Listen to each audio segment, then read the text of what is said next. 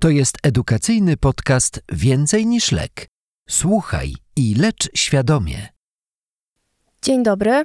Witam panią. Cóż to się stało? A, Słoik otwierałam. Pękł mi w rękach. Cholerno górki. Zdejmiemy zaraz opatrunek i zobaczymy.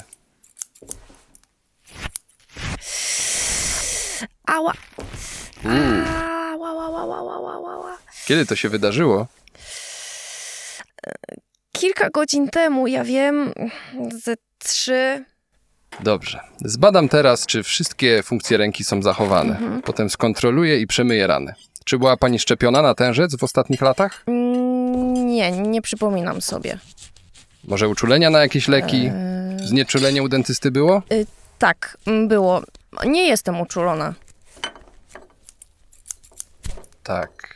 Yy, Wygląda na to, że funkcje ręki są w porządku. Rana wydaje się nieskomplikowana, więc założymy szwy. Na oko, tak myślę, z pięć, może z siedem. Podamy szczepionkę i będzie pani wolna. Wszystko jeszcze dokładnie opiszę na karcie informacyjnej. Oczywiście. Dziękuję. Drogi słuchaczu, zastanów się, jak należy postąpić w przedstawionej sytuacji. Możesz w tym celu zatrzymać nagranie. Po pół roku do lekarza zajmującego się pacjentką przyszło wezwanie do sądu, gdyż w ranie pozostało ciało obce, kawałek szkła w pobliżu stawu śródręczno-paliczkowego. Spowodował poważną infekcję. W efekcie pacjentka doznała zakażenia ścięgien, kości i poważnego uszkodzenia aparatu ruchowego. Jej ręka stała się dożywotnio niesprawna, przez co poszkodowana utraciła zdolność wykonywania obecnego zawodu. Komentarz. Trudno mi sobie wyobrazić sytuację, w której ktoś z mojej winy miałby do końca życia niesprawną rękę. No, no, no co poszło nie tak? Przecież lekarz obejrzał ranę, tak? Przepłukał ją i nie znalazł ciała obcego. No można było coś zrobić więcej? No pewnie, że tak. Można było wykonać zdjęcie RTG ręki. A to nie jest przypadkiem tak, że szkła nie widać na zdjęciu? Nie, nie jest. W przeciwieństwie do przekonań, zdjęcie RTG w ponad 90% przypadków wykrywa szkło. A jeśli jego kawałki są duże, to wykryje je praktycznie zawsze. Zaleca się wykonanie zdjęcia RTG u każdego pacjenta z raną zadaną szkłem. Przypomniało mi się właśnie jak na studiach szyłem ranę spowodowaną szkłem. Nie pamiętam, by w tamtym przypadku zostało zlecone zdjęcie.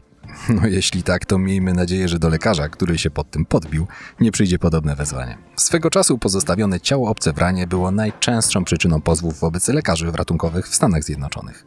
Teraz zdarza się to znacznie rzadziej. W dużym stopniu dlatego, że każda rana zadana szkłem ma zrobione RTG. Czy jakieś inne materiały w ranie też są widoczne? Pewnie w RTG zobaczysz metale, kamienie, żurzel, grafit, na przykład taki z ołówka, niektóre ości, zęby, kości. Mm, Nieźle, nieźle. Zapamiętam. O czymś jeszcze powinienem pamiętać? Y, A co z badaniem zranionej kończyny? Po pierwsze, musisz ocenić ją pod kątem uszkodzenia nerwów obwodowych. Następnie badasz, czy nie ma obrażeń ścięgien. Najlepiej zrobić to przed znieczuleniem, ponieważ ból przy ruchu może wskazywać na ich częściowe uszkodzenie. Potem znieczulasz i jak najdokładniej rewidujesz ranę, szukając ciał obcych i cech uszkodzenia ścięgien. Warto również obficie przepłukać ją wodą lub solą fizjologiczną. Na końcu szyjesz i określasz wskazania do profilaktyki przeciwtężcowej. A zalecenia? Codzienna zmiana opatrunku i kontrola w poradni lekarza POZ po tygodniu celem zdjęcia szwów lub wcześniej w przypadku pojawienia się znamion infekcji, które również opisujemy. Dzięki. Przyznam się, że czuję się teraz dużo, dużo pewniej, jeśli chodzi o postępowanie z ranami. Do usług. Zapamiętaj na Twój dyżur. 1.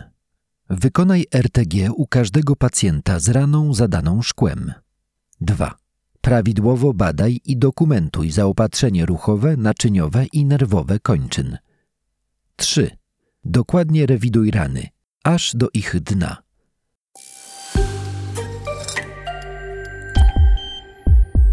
Nagranie powstało w ramach współpracy projektów edukacyjnych Twój dyżur i więcej niż lek.